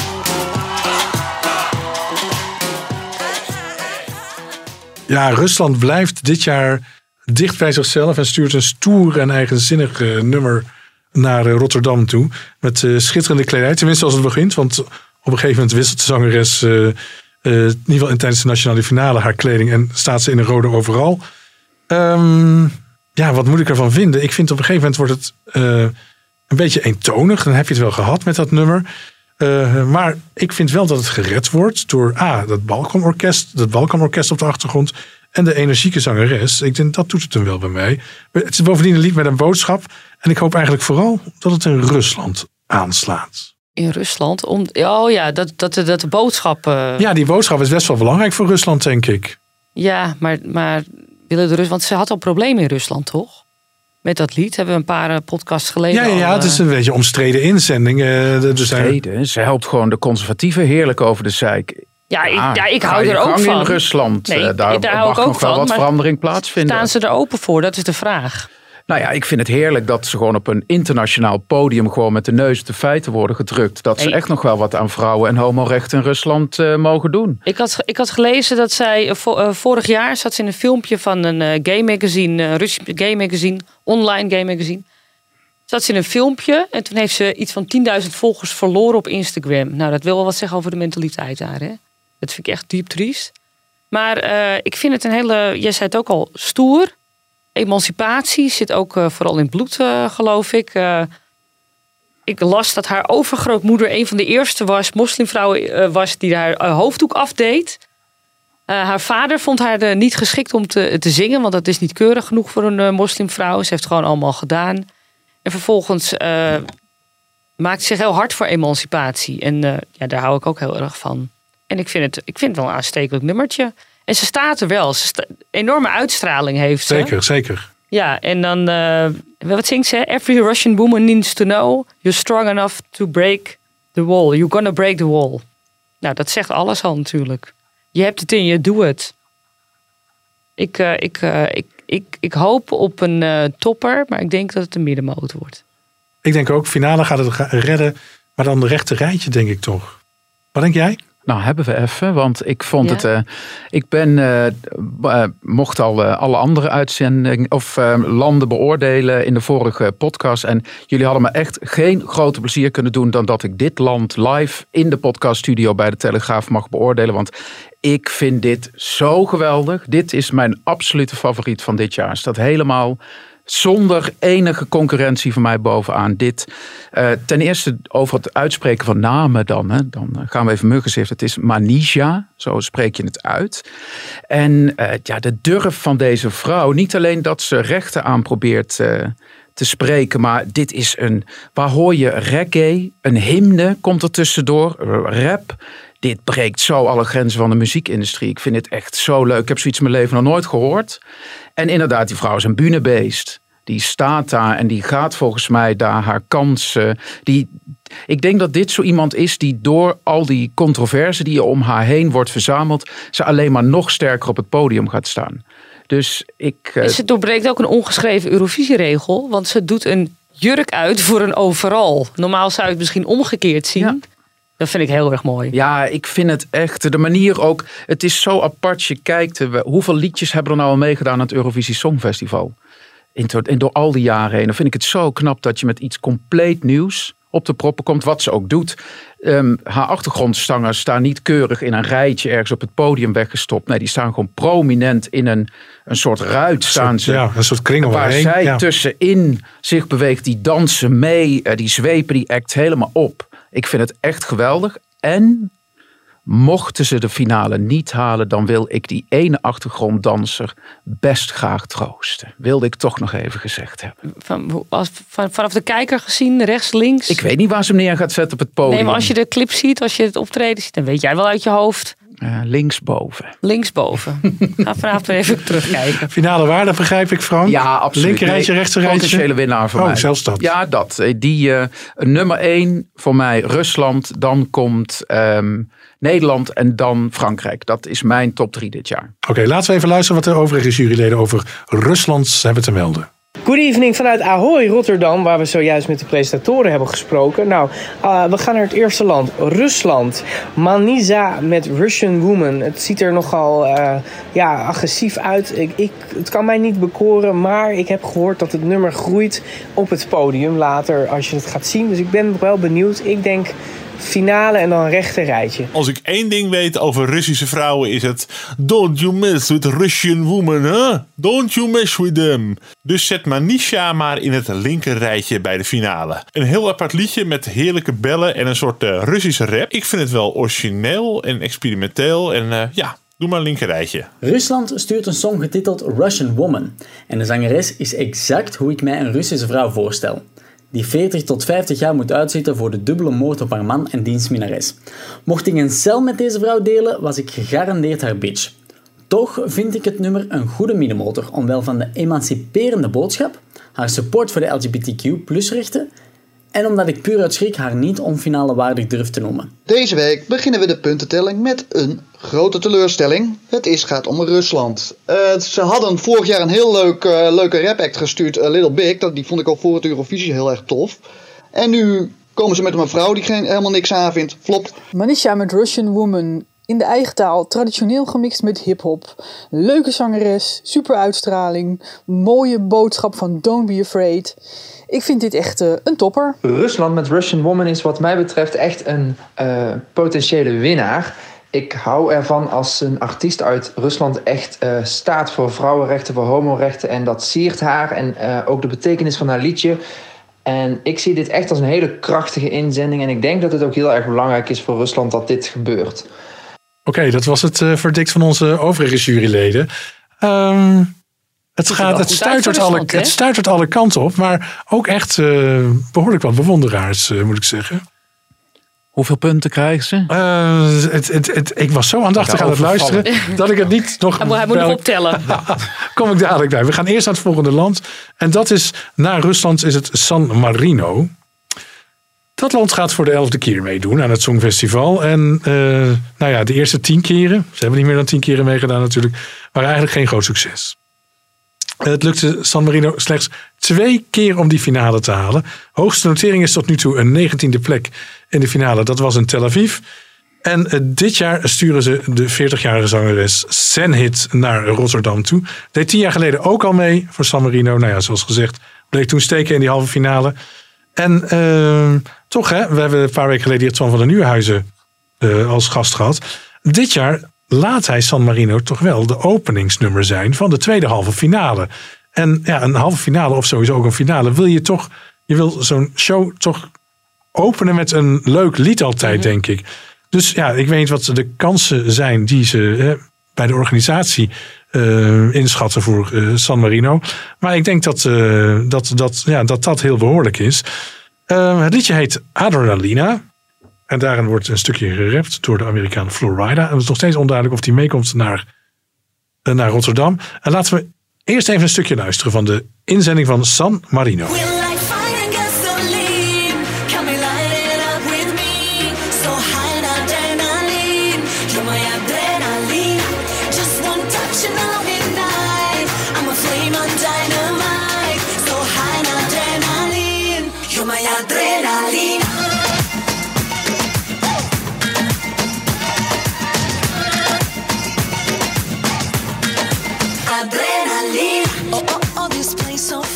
Ja, Adrenalina, Katja.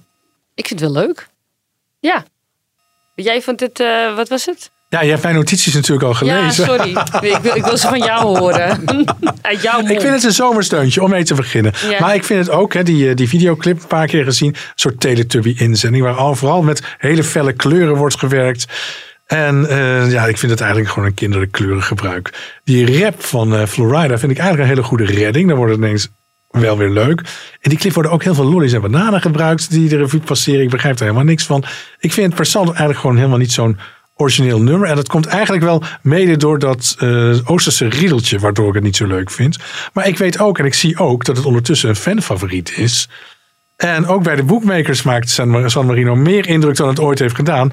Dus ja, ik denk dat het ver komt. Maar mij doet het persoonlijk eigenlijk heel erg weinig. En ik moet eerlijk zeggen, San Marino heeft geluk. Want we worstelen allemaal, hè, als alle juryleden, met de beoordeling van die 39 liedjes. We hebben dan afgesproken dat we de bovenste 13 een topper noemen. De middelste 13 eh, middenmotor en de onderste 13 niet finale waardig. En eh, het aantal landen dat ik bij niet finale waardig heb staan, dat is zo groot geworden dat ik een paar moet promoveren. En ik laat San Marino maar promoveren tot middenmotor. Toch in de finale. Kijk, wat grappig dat jij vindt dat de, dat de rap het redt. Terwijl ik vind juist dat ze die rapper wel weg hadden kunnen ha- Oh. laten.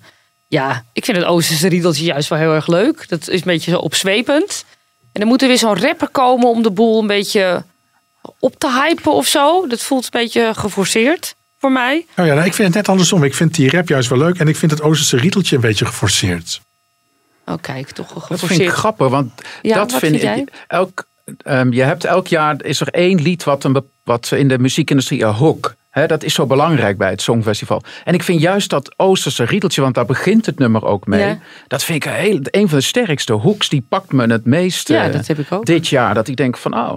En die Flowrider, ja, ik ben niet een hele grote hip-hop fan. Maar ik vind het toch wel een grote giller. Dat een land met 33.000 inwoners gewoon een Billboard 100 eh, artiest, wat ik geloof die drie of vier keer daar op één heeft Ja, gestaan. Gewoon maar- naar het Eurovisie Songfestival Ja, maar dat zegt mij niks. Ik bedoel, als het verder niks toevoegt, dan kan me niet schelen wie erbij komt op het podium. Nee, maar dat is voor ons als fans. Maar ik denk als je. Dat is toch wel een soort mindfuck. Als jij als eh, persoon die het Songfestival pas op de avond zelf volgt. En je denkt in één keer Flowrider komt voor. Ja, dat is wel, dat is wel hilarisch op zich. Dat je dan, Ja. als we het dan hebben over iets waar je de telefoon voor wil pakken, dan zou dat zomaar eens kunnen gebeuren. Florida? Oh, ik maar hij is- helemaal achter. Ja, maar hij is wel heel bekend. Ja, schijnt. Ik, ik had er weer niet van gehoord tot, tot, tot, eh, tot de podcast. Maar ja, zou die inderdaad, zou zo'n man zich de kans laten ontnemen om voor zo'n groot publiek op het grootste muziekpodium ter wereld eh, niet te komen? Nou ja, als ze een ander neerzetten dan, en ze zeggen het is Florida, dan geloof ik het ook. Maar bij mij er nou uit.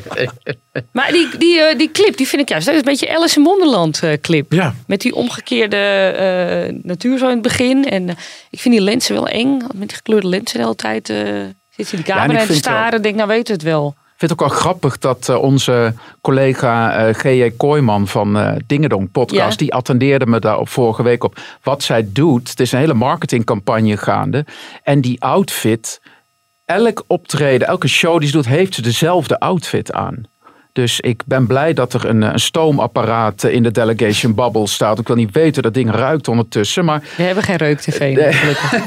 maar dus daar zit een marketingmachine achter van San Marino dit jaar. Ja, maar dat zie je. Ja. Het is veel gelikter dan andere jaren. Er is veel meer werk aan besteed. En dit gaat natuurlijk wel de hoogste notering krijgen eh, van San Marino Die die, San ze Marino ooit ooit- gehad ja, hebben. denk ik ook. Dat is, Dat is duidelijk. Ja, want ik vond het een beetje jammer. Ik had nog bij eh, zitten lobbyen bij Richard vandaag om een joker in te moeten zetten. Want eh, San Marino ehm, heb ik als eh, middenmotor staan. En ik zou het liefste ze ruilen met Israël eh, eh, voor een finale, of voor de topper. Maar Richard is keihard en het mag niet. Dus het is, eh, voor mij blijft het steken in eh, de middelmotor. Bij jou ook? Ik, eh, ja, ik, ik zat te twijfelen tussen het linker en het rechter rijtje scorebord. Maar ik heb geen plek meer eh, links. Dus ze, wat jij had met, Ja, ik met de met niet-finale, heb ik met... eh, ze, gaat, ze schuift door naar de middenmotor. Ja. Dan gaan we luisteren naar wat overige juryleden over San Marino hebben te melden. Zenit heeft een echte Eurovision-hit te pakken met Adrenalina. En dan ook nog de interlude van de rapper Florida, ofwel Florida, eh, verbasterd. Maakt het helemaal eh, fris en vrolijk. Een eh, topper in de middenmoot. San Marino stuurt Zenit met het nummer Adrenalina. En deze inzending heeft inderdaad alle adrenaline die je van een vrouw in haar menopauze kan verwachten. Een charmante poging met hier en daar wat hotflashes, maar net niet finale waardig voor mij. De tweede is de verrassing van deze week. Dat is San Marino die met een heel leuk, kleurig en spectaculair catchy nummer komt. Dus dat eh, lijkt me een topper voor de finale. Ja, een topper wat mij betreft. Eh, ik zal even aan de jury moeten vragen of dat kan. Maar dit nummer eh, moet gewoon in het linkerrijtje thuis horen. Eh, San Marino heeft echt een hele leuke hit. En we hopen dat Florida natuurlijk meekomt. San Marino, Adrenalina. Ja, super mooie clip, vind ik het. Verder vind ik het een echt songfestivalnummer. En daarmee valt het voor mij in de middenmoot. San Marino en Senate is voor mij een absolute topper. En het is voor mij net geen potentiële winnaar. Wie had gedacht dat San Marino met Florida zou gaan samenwerken? Ja, dit is top. Dit voelt hedendaags. Dit voelt heerlijk. Dit is niet wat we van San Marino gewend zijn. Ik was echt verbaasd. Ja, nou, best wel positief ontvangen. Per saldo eh, San Marino. Dus, ehm, Maar stel je nou toch gewoon, gewoon even hypothetisch. Ja, ja. Stel je nou toch voor, 22 mei, kwart voor één s'avonds. En de winner of the Eurovision Nee, Song Contest is San Marino. Nee, maar wat doet de EBU dan? Nou, dan gaan ze toch gewoon eh, het Songfestival in San Remo organiseren. Dat is om de hoek van San Ja, Marino. dat is wel waar. Ik ben eh, vorig jaar op vakantie geweest naar San Remo en eh, San Marino. Dat is wel een te schattig plaatje ja, heel leuk. Ik ben ook het al is geweest. echt, ze hebben ook eigen munt en zo. Het is echt prachtig. Het is heel mooi. Mooi zonsondergang en zo. Ik vind trouwens wel dat Jens lekker op dreef is de laatste tijd. Ja, hè? Ja, heerlijk. Ja, Jens is eh, Ja. lekker, Hij lekker is lekker op dreef vorige week van this, uh, this little bottom wants to go for a ride. en nu de de, de, van de- Polen, de ja. menopauze van San Marino. Ik hou. Schandalig, 40 is veel te jong voor de menopauze. ik vind- als vrouw ga ik meteen weer hier eh, voor mijn rechten staan.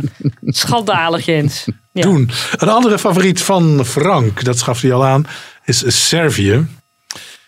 En Servië gaat voor de dertiende keer meedoen. Dat klinkt als, vind ik, het vind ik heel weinig klinken. Een aantal keren dat Servië heeft meegedaan. Maar het heeft natuurlijk te maken met dat ze gewoon jarenlang als Joegoslavië onderdeel zijn geweest van Joegoslavië. En ook twee keer mee hebben gedaan als eh, Servië-Montenegro.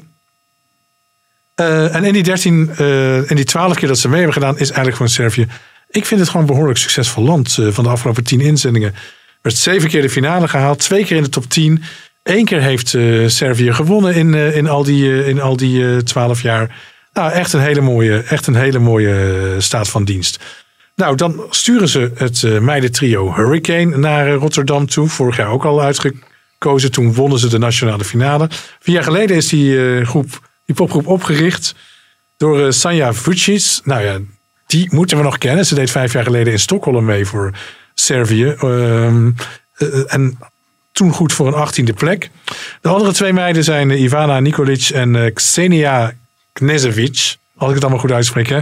En die laatste, dat is ook wel leuk. Die is de dochter van de zanger Knes. Ja, die, die foute autoverkoper. Ja. Ja, ja zo zag hij eruit. Precies, zes jaar Zo zag geleden. hij er echt uit. Dat je denkt, daar moet je echt geen auto kopen. Dan word je zo getild. Nou, ik vind trouwens sowieso dat de cancel culture nog niet achter Montenegro aan is gegaan. Want die naam kan natuurlijk helemaal niet. Montenegro, dat kan je toch niet meer zeggen tegenwoordig? Oh, zo. Het verbaast me eigenlijk dat ze onder de radar zijn gebleven. Maar gewoon even tussendoor als we het dan eh, over auto's Sorry, we onderbraken je, Ja, dat sorry. Richard. Eh, nou, de zanger Knes, die deed dus zes jaar geleden mee voor Montenegro. Behaalde trouwens hè, de finale, niet alleen voor Montenegro, die in eh, zijn hele Songfestival bestaan slechts twee keer de finale heeft gehaald, maar de hoogste positie ook eh, van dat land. Oké, terug naar Servië. Wordt een startplek in de tweede halve finale. En de fans van inzendingen van Servië, die zitten vooral in Slovenië, en Noord-Macedonië, Bosnië-Herzegovina, Zwitserland en Kroatië. Mag Wat die een- lekker hard? Wat een verrassing. Voor... Volume open. Oké, laten we een stukje luisteren.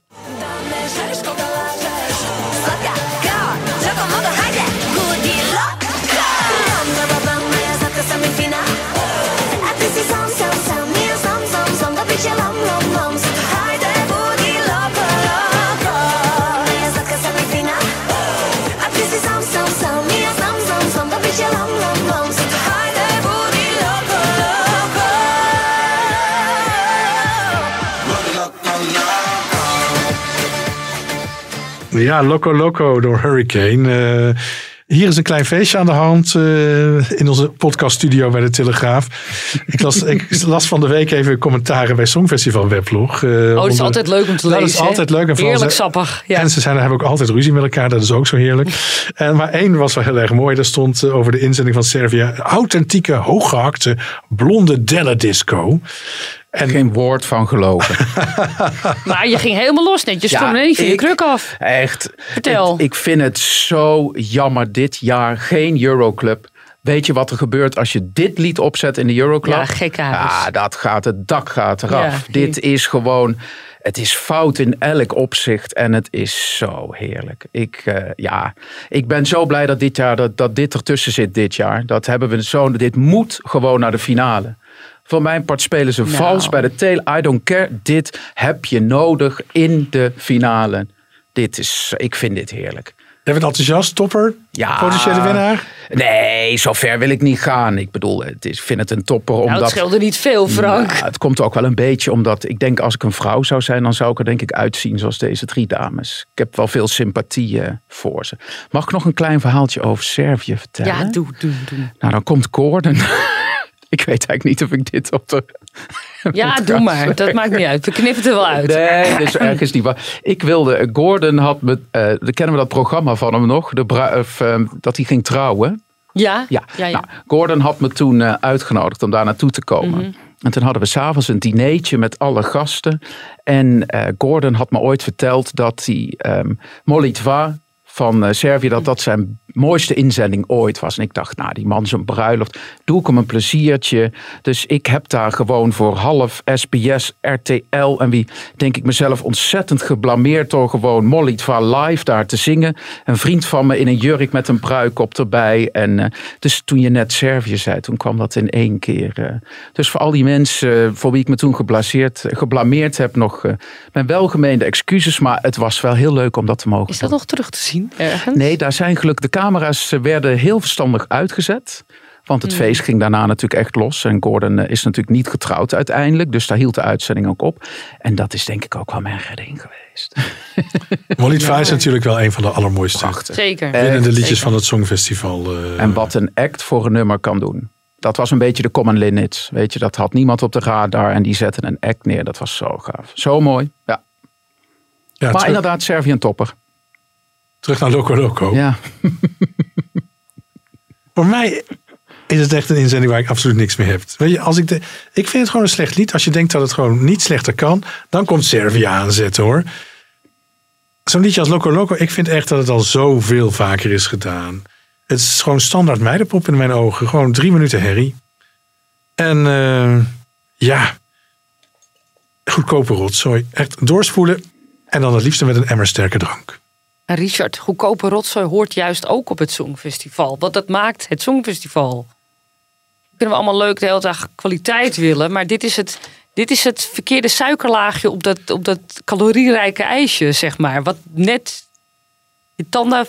Nou, niet je glazuur van tanden, want dat is een andere soort liedje. Maar ja, wat het wel heel lekker maakt. De saus die het heel lekker maakt. Dat, dat is dit liedje. Is dit niet stiekem een guilty pleasure voor jou? No way. Nee, nee, no way. Kijk, er zijn natuurlijk andere, hè, en min of meer wat we dan guilty pleasures zijn gaan noemen door de jaren heen. Kijk, we hadden twee jaar geleden San Marino, Serhat, Sena na na. Dan denk ik van ja, dat is ook goedkope rotzooi, maar wel goedkope Ah, loop rotzooi die je kan waarderen. weg. Dit kan gewoon echt niet. Wat? Nou, wordt na na na na na hier nou beter gevonden dan Loco Loco? Nou, kom op. Hij heeft wel een punt hoor. Hij heeft wel een punt. Maar ik wil even, ik ben altijd van de tekst, hè? Vertel, ja, ja, Ik ja. heb een stukje refrein erbij gehad. Dat ga ik even vertalen. Ik, dat vond ik ja, zo het is leuk. geen poëtisch pareltje, dat is duidelijk. Rambababam bam bam. Ik ben schattig en leuk. Jij bent alleen, alleen, alleen. En ik weet, ik weet, ik weet dat het wild, wild, wild zal zijn. Dus kom op, wees loco, loco, loco. Nou, dat is toch even de beesten af dit. Zo slecht. Nee, het is Zo geen slecht. eh, They spat on your crown and poisoned your ground. Nee, en dan spelen zij ook zijn. een soort emancipatiespelletje van ja, wij, wij zijn niet vrouwen die gaan wachten tot een man op ons afkomt. Nee, dat, dat hoef je niet te vertellen. Dat zien we zo ook wel natuurlijk. Maar Nee, de ontharingscrème eh, komt bij deze dames echt regelmatig uit de kast. Daar ben ik van overtuigd. ja. dit is eh, niet finale waardig. Hoe, hoezeer het ook bij het Songfestival hoort. Het is een soort eh, dat mo- mooie drie wat we hadden. Ja, dat was Maar ook een soort wandelend bordeel. 2.0. Ja, dat zeg je altijd. Het wandelende bordeel mooie drie. Vind ik zo leuk. Ja, maar dit is een 2.0 daar- versie daarvan. Ah, maar je zal nee, maar toch dit eens- kan, dit kan niet. Dit is natuurlijk heel slecht. Kom, weet je, je moet ook aan onze heteroseksuele... Het is zo'n eh, zo'n gay ding, dat festival. We moeten ook een beetje aan onze heteroseksuele medemens denken. Aan de mannen of eh, lesbiennes of Maar dan hadden er ze op maar voor vorig jaar moeten doen. Die was nog fouter. Ja, oké, maar dit is toch heerlijk. Als die eh, door hun vrienden voor de buis worden verplicht... en deze dames komen ineens eh, de, het podium op. Ja, maar als ze gaan zingen wordt het allemaal een stuk minder, hè? Doe maar niet. Ik hoop wel dat er een, een leuk Nederlands meidentrio is die een rambambam Nederlandstalige versie hiervan maakt. We hebben al een keer zoiets gehad. In 2006 geloof ik. Nee, of wat dachten we dan in 2010 van die eh Shalali-versie van eh, Frans Bauer... eh, en eh, die meiden, hoe heten ze ook alweer? Oh ja, ja, ja. Nou, had toch ook die Marloes? Die was ook heel goedkoop. Oh. Sorry. Ja, die stem die kan ik me weer ineens weer herinneren. We gaan door naar het volgende land. Nee, laten we eerst luisteren naar wat de overige juryleden over Servië te zeggen hebben. Oh, benieuwd. Servië stuurt de girlband Hurricane met Loco Loco. Maar ik ben niet zo loco loco van dit wervelwindje. Voor mij zijn deze meisjes eerder een briesje. Deze inzending is niet finale waardig. Nou, wat ik nou weer meemaak. Ik was op visite bij tante Corrie. En die heb ik dus het liedje laten horen van eh, Loco Loco van Servië. Nou, die drie valse zusters, nou, die de- deden het helemaal te gek hoor. Daar, die zei het lijken wel eh, de Servische Linda, Roos en Jessica. Eh, Ze begon gelijk helemaal op de tafel te dansen. Ze ging helemaal los. Maar goed, uiteindelijk is het natuurlijk een middel of de rood liedje. Leuk voor tussendoor. Maar daarna ben je het weer snel vergeten. Niet finale waardig. Servië, dat is een middelmatig nummer dat eh, tijdens deze finale ideaal is om even een plaspauze in te lassen. Ze halen hem wel, maar verder niet heel bijzonder. Servië, Hurricane met Loco Loco. Nou, ze gaat helemaal loco. Eh, maar ik vind het eigenlijk eh, helemaal niks. Ik zeg niet finale waardig. Fizzle Sizzle meet the Spice Girls. 13 in een dozijn. De clip is leuker dan het liedje. Wat mij betreft een flopper. Niet finale waardig. Servië met Hurricane en Loco Loco is voor mij echt een middenmotor. Leuk, vermakelijk liedje. Ik zet het graag aan. Maar muzikaal kan ik het niet noemen. Gewoon leuk voor de tweede helft in de finale. Oké, Johnny van Riel was dat als laatste. Hij was nog enigszins positief en eh, gunt het een finale plek. Maar de meeste zijn onverbiddelijk als ik het zo hoor. Ja, ik voel toch een beetje het liedje op een onbewoond eiland... en het boek Alleen op de wereld hier samenkomen voor me. Maar ik, ik vind het heerlijk. Goed zo, volgende land. Dat is Slovenië. En Slovenië stuurt Anna Soklic met het liedje Amen. Amen hebben we natuurlijk al eh, een, een ander land eh, dit jaar mee op het Songfestival. Ook Oostenrijk stuurt een lied dat Amen heet. En het is de 26e keer dat Slovenië meedoet. En eigenlijk is Slovenië een, een, van de, een van de brekenbeentjes, weinig succesvol op het Eurovisie Songfestival. Toch, hè, per saldo, als we terugkijken, twee keer een zevende plek gehaald in 1995 en 2001. Dat is ook alweer 20 jaar geleden, jongens. En eh, in de laatste tien jaar werd door Slovenië vijf keer de finale behaald, maar nooit de top 10. Dus ja, dat komt er bij dat land kennelijk niet eh, van. Maar misschien gaat het de 37-jarige Anna Soklic wel lukken. Ehm, zij heeft in ieder geval in het afgelopen jaar uit 191 liedjes dit, eh, deze, dit, dit lied gekozen. Uh, en het moet aantreden in de eerste halve finale. En moet dan op de dode plek nummer 2 komen, direct na Litouwen. En dan maar hopen dat er punten komen uit Kroatië, Noord-Macedonië, Ierland en Rusland. Bosnië kreeg Slovenië ook in de regel veel punten van. Ehm, nou, laten we een schietgebedje doen en kijken of Slovenië het waard is. Even een stukje luisteren.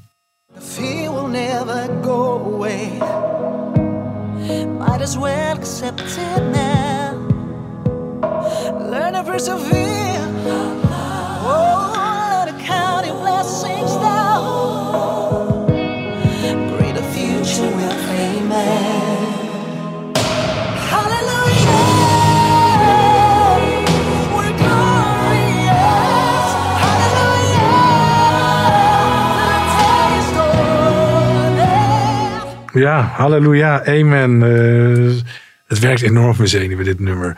Het kost me gewoon energie. eh, en ik word er echt als automatisme een soort agressief van. Slovenië solliciteert wat mij betreft echt naar de laatste plek dit jaar in Rotterdam. En eh, ja, echt een gedrocht van een lied. Ik, een beproeving om het aan te horen, aan te kijken. Boeit voor echt voor geen meter. Ehm, ja, een momentje om bij te schenken. Dit mag wat mij betreft snel naar eh Ljubljana terug. Toch nog even, hè, eind komt er wel een soort gospelkoor in. Poging om één laatste te worden, denk ik dan. Eh, maar ik had, het, ik had het misschien leuker gevonden als dat koor ook in beeld wordt eh, gebracht. Maar ik denk niet dat dat gaat gebeuren. Wat mij betreft een niet-finale waardig. Snel terug, wat ik zeg, naar Ljubljana. Frank. Eh, ik mag eerst. eh, eh, nou, ik ben delegatiehost en het is gewoon ook niet netjes als wij ons negatief over andere landen uitlaten. Dus ik hou het kort en krachtig. Ik ben in Verenigde Staten ooit langs een bord gelopen bij een kerk en daar stond op: The most powerful position is on your knees. En daar hou ik het bij. Netjes hoor. Ja, dat gospelkoor je het over had, daar ben ik niet eens aan toegekomen. Zo, zo saai vond ik het eigenlijk. Ik vind haar stem wel interessant. Ze doet me een beetje denken aan Anastasia. Beetje dat, Iets eh, een lagere stem Ja, heeft ze. lager, een beetje eh, powerachtig, maar nee, dit gaat totaal aan me voorbij. Ik las nog wel dat zij les heeft gehad eh, van eh, Darja hoe, heet, hoe spreek je haar uit? Meegedaan in 95 Ja. en 99. En toen ging ik eens terugkijken wie dat was. Dat was ik ook al lang weer vergeten. Dus ehm, nee, nee, sorry. Maakt geen indruk op je als ik Totaal goed begrijp. niet. Hè? Nee, ik, kan, ik kan er helemaal niks mee. En dat gospelkoor, dat zit ook. En wat eigenlijk duurt dit nummer ook langer dan drie minuten. Het duurt drie minuten 45 of iets dergelijks. Dat zit ook pas na die drie minuten. Dus dat je denkt van, het moet nu echt al over Nee, zijn. maar ik was wel dik voor die drie minuten afgehaakt. Ik vind het zo saai. Ik vind het, het is wel een hele interessante halve finale. Want eh, daar zitten eigenlijk maar twee ballads in. Die van Noord-Macedonië en Slovenië. En ik durf er toch wel op te wedden dat één van die twee de finale gaat halen. En welke dat dan Nou, eh, wordt wordt. niet deze. Dat is toch zo goed als zeker als je dit hoort. Ja, ik ben het. Ik, we hadden het er met Richard laatst ook over. Deze stem is wel echt heel erg. Ja, die stem wel, maar dan moet het nummer ook geschikt zijn natuurlijk. Ja, tuurlijk. En de stem van Noord-Macedonië is ook in orde. Ja, nee, meer dan in orde. Ik bedoel, dat is de, denk ik wel, durf ik met. En echt niet omdat ik zijn delegatiehost ben, maar dat is denk ik de best getrainde stem van het Songfestival dit jaar. Dat is echt eh, wat die jongen kan doen, die laatste noot. Die eh, is echt wel heel erg sterk. Dus, eh, maar we gaan dan eh, Ja, we gaan over even naar luisteren. de andere jury. reden. Slovenië stuurt in mijn ogen dan wel een wervelwind met Anna Soklic. Deze vrouw heeft een dijk van een stem die tot diep in de trommelvliezen van eender welke god reikt. Halleluja voor de song Amen. Het kan niet anders dan dat de muziekgoden haar gebeden aanhoren en ik gok dan ook dat de heilige muzes haar tot in de finale helpen. Amen is een sterke middenmotor. Die inzending van Slovenië. Vreselijk. Het moet een soort power ballad voorstellen door een zangeres die staat voor een soort The Voice trap met een Oostblok accent Engels. Het is heel erg niksig en snel weer vergeten, 13 in het dozijn. Maar ja, ze pakt uit, dus het zal weer scoren op het Songfestival. In mijn finale komt ze niet terecht. Een mooie gospel met goede stem, met overtuiging gebracht. Ik vind het een mooie afwisseling van ingetogen en uitbundig. Het is wel een enigszins typisch 13 in een dozijn liedje. Maar doordat ze het echt heel authentiek brengt, vind ik hem eh, heel geslaagd en wat mij betreft zelfs een topper. Slovenië is voor mij niet finale waardig. Emen is wat mij betreft een beetje een schreeuwnummer. Eh, ja, het komt niet echt op gang of het komt te veel op gang, ik weet het niet. Het doet mij helemaal niks. Slovenië gaat eh, met Halleluja en Amen een heel christelijk nummer brengen dat ik verder zelf eigenlijk helemaal niks aan vind en wat wat mij betreft ook niet finale waardig is. Tweede Amen-titel van de song op dit festival. Ja, en ook dit Amen, ik zeg geen halleluja, niet finale waardig. Nou, voor saldo zijn we iets positiever over Slovenië dan over Servië, maar het ontloopt elkaar niet veel. Nee, nee. Ik vind het ook wel leuk om Aran weer te horen. Die was toen ook eh, aan het strand erbij die avond. In Tel Aviv. Ja, ja, ja zeker. Ja, dat, eh, Ja, dat ja. zijn we niet vergeten Ja. natuurlijk. Dat strand in Tel Aviv, dat gaat er nog een apart leven leiden zo. eh. Ik kwam daar toen ook nog kort in beeld, weet je dat nog? Bij SBS 6. ja, eh, Koos van Plateringen was toen voor kwam SBS 6. tegen, die was Gordon aan het interviewen. En toen eh, zijn cameraman die zei... kom, je moet even door dat scherm heen lopen. Ja. Dus ja, precies. ja. Ja, ja, ja, ook zo heerlijke vet. Dus eh, zo gezegd, zo gedaan. Ja. Daar zeg je geen nee tegen, hè? geloof ik. Nee. Nee, ik kan heel goed luisteren. Dat hoorde je ook al de vorige keren naar jou. Dus eh, ja. Oké, het laatste land van eh, vandaag, van deze podcast, dat we gaan bespreken, de laatste inzending, is die van Spanje. Spanje stuurt eh, Blas Canto met, als ik het allemaal goed uitspreek, Voy a quedarme. Eh corrigeer me als het niet goed gaat. Het is alweer de zestigste inzending van Spanje.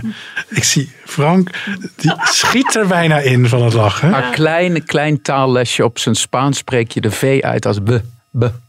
Boy acadarme. Boy Acadarme. acadarme. Kijk hier. Nou, dankjewel. Dat is goed. Ik leer elke podcast weer wat bij. Dat is fijn. Ik vergeet alleen ook heel veel dingen heel snel weer. Dat is een beetje jammer. In al die 60 jaar heeft Spanje twee keer gewonnen. Gaat dat dit jaar weer lukken met dit nummer? Het is, eh, het, het is de vraag, want eh, Spanje is, eh, op zijn zacht gezegd, een slecht presterend Eurovisieland. Weliswaar staat het land echt elk jaar automatisch in de finale. En daar hoort het eigenlijk gewoon niet thuis als je naar de resultaten kijkt van de laatste tien inzendingen. Van de afgelopen tien inzendingen stond Spanje maar liefst zeven keer niet bij de bovenste twintig. En dat is eigenlijk gewoon een erbarmelijke score voor een land dat automatisch elk jaar in de finale staat. Nou, er blijven nog drie andere inzendingen over die wel in de top 20 stonden. Maar ook die deden het niet echt supergoed. Hoger dan de tiende plek kwamen die ook niet.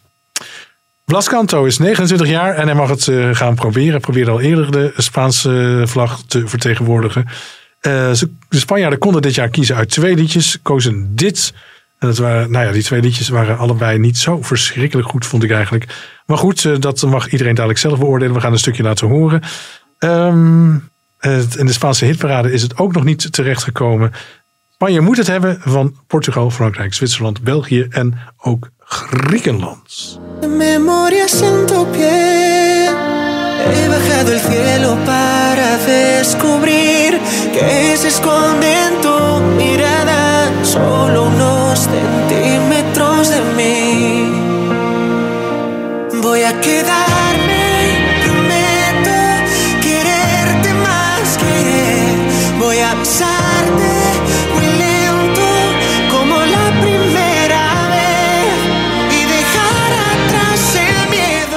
Nou, dat is een best een lang stukje dat, we, dat, het, dat de techniek eh, aan Spanje toewijst. Dankjewel.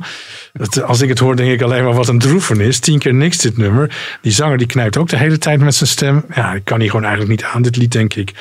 Geen moment wordt je het nummer ingetrokken. Nou, wat mij echt absoluut wederom Spanje niet finale waardig. Over en uit. En volgend jaar voor straf gewoon een jaar overslaan.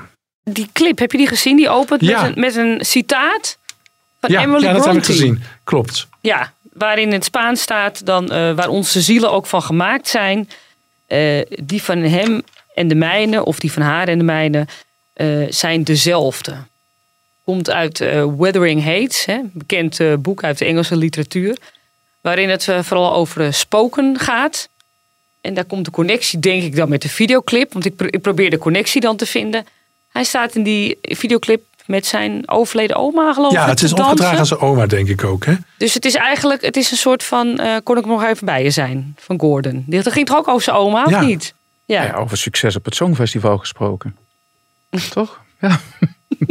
Die zegt het Ja, met een droge streek nou ja, die eh. odes, Willeke Albert, die bracht ook een prachtige ode. Maar het is zo jammer dat in de eigen taal zo'n boodschap vaak... ehm, Ja, ik heb er ook weer in songtekst zitten kijken. Maar dan gaat het weer over de lange eerste zoen. Ik denk dat is niet echt toepasselijk op je oma. Maar goed, het, het zal wel. Maar ehm, ja, ik, ik snap niet de hele de, de context met het lied zelf.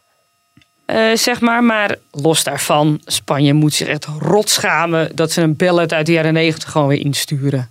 Dat kan echt niet meer. Kan echt niet, hè? Nee. Er moet er echt iemand wakker worden bij de omroep. Ik vind het zo zonde. Het zou toch heel leuk als Spanje weer een keer wint. Toch? Ja. Ja. Nou, het is wel interessant nu jullie dat zeggen. De omroep moet wakker worden. Eh Suzy, die in 2009 meedeed. eh, Of Suzy, hoe heette ze? Ehm, uit 2009.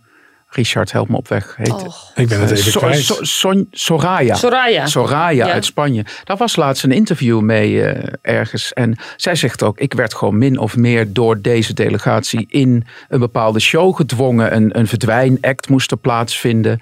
Dus dat blijkt best wel een, een, een dominante delegatie te zijn die een hele eigen visie hebben. Waar de artiest zich ehm, naar moet richten. Dus dat is eigenlijk eh, best maar dit is al meer dan tien jaar geleden. Is dat nog dezelfde delegatie? Ja, nou, dat was het verhaal eh, van toen. Als je kijkt naar de afgelopen eh, tien jaar wat Spanje op het Ja, Songfestival waar. doet. Dezelfde visie dan kun je je voorstellen. Wat ik wel moet zeggen ehm, eh, voor de mensen, ik, hij spreekt heel mooi Spaans. Hij zingt de woorden echt heel erg mooi met hele mooie toon. En ik vind die stem ook wel lekker. Alleen ja, inderdaad, het liedje blijft voor mij ook niet hangen. Niet finale waardig, helaas. Nee, voor mij ook niet. Ik heb gezegd dat ik die landen erin hou, omdat ze normaal ook in de finale staan. Mhm. Maar deze moet gewoon uit. Toch? Ja, ik verbreek bij deze de regel voor mezelf. Niet finale waren. Ja, ik ook. Ja, zouden inzendingen, want het, eh, de UK en Duitsland en de laatste tijd staan ze steeds vaker in het rechte rijtje. Weet je, zijn ze er zelf al bij geholpen dat ze automatisch in de finale staan? Vraag ik me dan wel eens af. Ik vraag me dat ook wel eens af, want eh, eh, je doet toch minder je best als je dat in je schoot geworpen krijgt, denk ik. Zo'n automatische finale plek. En het geeft ook eigenlijk bijna jaar in, jaar uit, geeft de eindscore aan dat de, de automatisch voor de finale geplaceerde landen het relatief gewoon slechter doen dan de andere landen die er wel voor moeten knokken om in die finale terecht te Alleen komen. Italië doet het goed Italië eigenlijk. doet het fantastisch Ja. natuurlijk. eh. en Frankrijk doet het ook heel redelijk. eh, Ja, dit jaar. nou ja. Oh, over het algemeen ja, ook. ja. Ze doen het steeds Ja. beter. Eh, ze hebben nog een beetje last met de staging, heb ik zo het idee. Maar dat komt volgens mij dit jaar wel, eh, wel goed met Frankrijk. Ik denk heel een, eh, eenvoudig gaan ze het houden. Maar ja, ik vind dat ook wel jammer. Ik vind, weet je, als je in de finale staat, dan mag je ook lef tonen zoals Nederland dat eh, dit jaar gewoon doet. Die Eens. denken, weet je, we kunnen niet blijven hangen. Wij sturen iets eigenzinnigs eh, waar de artiest zijn hele gevoel en zijn strijd en zo in kwijt kan. Ik vind het jammer dat de BBC en Sp- Spanje dat niet Spanje laten en zien. het Verenigd Koninkrijk Ja, hebben er last van. Hè? Laten we even luisteren wat de overige juryleden over Spanje hebben te melden. Het land stuurt het lied getiteld Voy a quedarme, wat zoveel wil zeggen als ik blijf. En natuurlijk blijft Spanje tot het einde, want Spanje haalt altijd de finale. Puur op basis van de song is dit een middenmotor. Spanje stuurt een hele gevoelige, hele mooie jongen die eigenlijk een heel erg saai nummer te eh, gehoren brengt. Ik noem het een flop, maar hij haalt de finale van Big Five. Blas canto, voy a quedarme. Ik heb opgeschreven ballad in het Spaans, gevoelige jongen, gaap, middenmoot. Spanje is voor mij een middenmotor. Wat mij betreft eh, wordt hij laatste in de finale. Ik weet het niet, ik, ik, ik mag hem niet zo. Het liedje is prima, maar ik, ik heb niet zoveel met zijn stem en ook niet zoveel met de persoon zelf. Dus ja, het doet me niet zoveel. Een prachtige verschijning, een hele leuke jongen. Volgens mij ook eh, als je hem in het echt ziet. Dat is altijd een vraag natuurlijk bij, eh, bij de deelnemers. Maar hij brengt wel een beetje de Zuid-Mediterraanse sfeer mee naar Rotterdam. Hij staat al in de finale, maar ik zeg rechterrijtje. Wat we horen is een soort Spaanse jaren 90 volumia. Ook weer zo'n gevoelige man met een dweepliedje. Dat klinkt alsof je het al 100 jaar kent. Het kan zo in het Spaanse restaurant in de non-stop meedraaien. Als je de paella hebt besteld. Met aan het einde nog een beetje een Duncan Lawrence-achtige uithaal. Nee, niet meer doen Spanje. Blijf maar thuis. Oh. Nou, het oordeel is ook eh, bij de overige juryleden Het is maar goed dat behoorlijk eh, fel eh, over Harry Spanje. Lester er deze week niet bij zit. Want? Ze vond het vorige week het commentaar al zo keihard. Oh, nou, wij, wij, schuwen, wij schuwen niks, hè? Nee, toch? En Nee. we zijn ook gewoon streng voor onszelf. De juryleden die je hoorde zijn eh, Jelmer Visser, Edwin Kleijs, Aran Wade, die ik vorige week vergat, Margrethe Heer, Jens Geerts en eh, Johnny van Riel. Er zijn nog twee andere juryleden die ook punten hebben eh, gegeven. Niels Kalkman en Sumit van Linten. Die heb je niet gehoord. Ehm, dan zijn we alweer weer aan het einde van deze podcast. Het wordt echt een spannende week. Hè? Alle delegaties, hè, wat ik net al zei, die komen eh, vanaf zaterdag 8 mei. Behalve dat de voorverkoop voor de kaartjes begint, beginnen ook de repetities voor de eerste halve finale. Ehm, ja, het, het, het, het gaat nu echt gebeuren. En eh, het zal weer een week vol met, eh, vol met spannende verhalen zijn. Die zullen we allemaal weer gaan verzamelen. En volgende week zijn we gewoon weer lekker bij jullie terug allemaal. Ja. Dankjewel Frank voor je bezoek. Ja, graag gedaan. Mag ik nog ehm, aan de mensen vragen om vooral naar de uitzending te kijken. Want ik eh, loop daar rond en ze hebben echt knetterhard gewerkt om hier iets heel gaafs van te maken. Dus ehm, doe jezelf dat plezier en ga zeker naar die halve finale en die finale kijken. Gaan wij zeker doen. Aan ons is die boodschap natuurlijk onbesteed. En waarschijnlijk onze luisteraars ook. Katja, tot volgende week. Tot volgende week.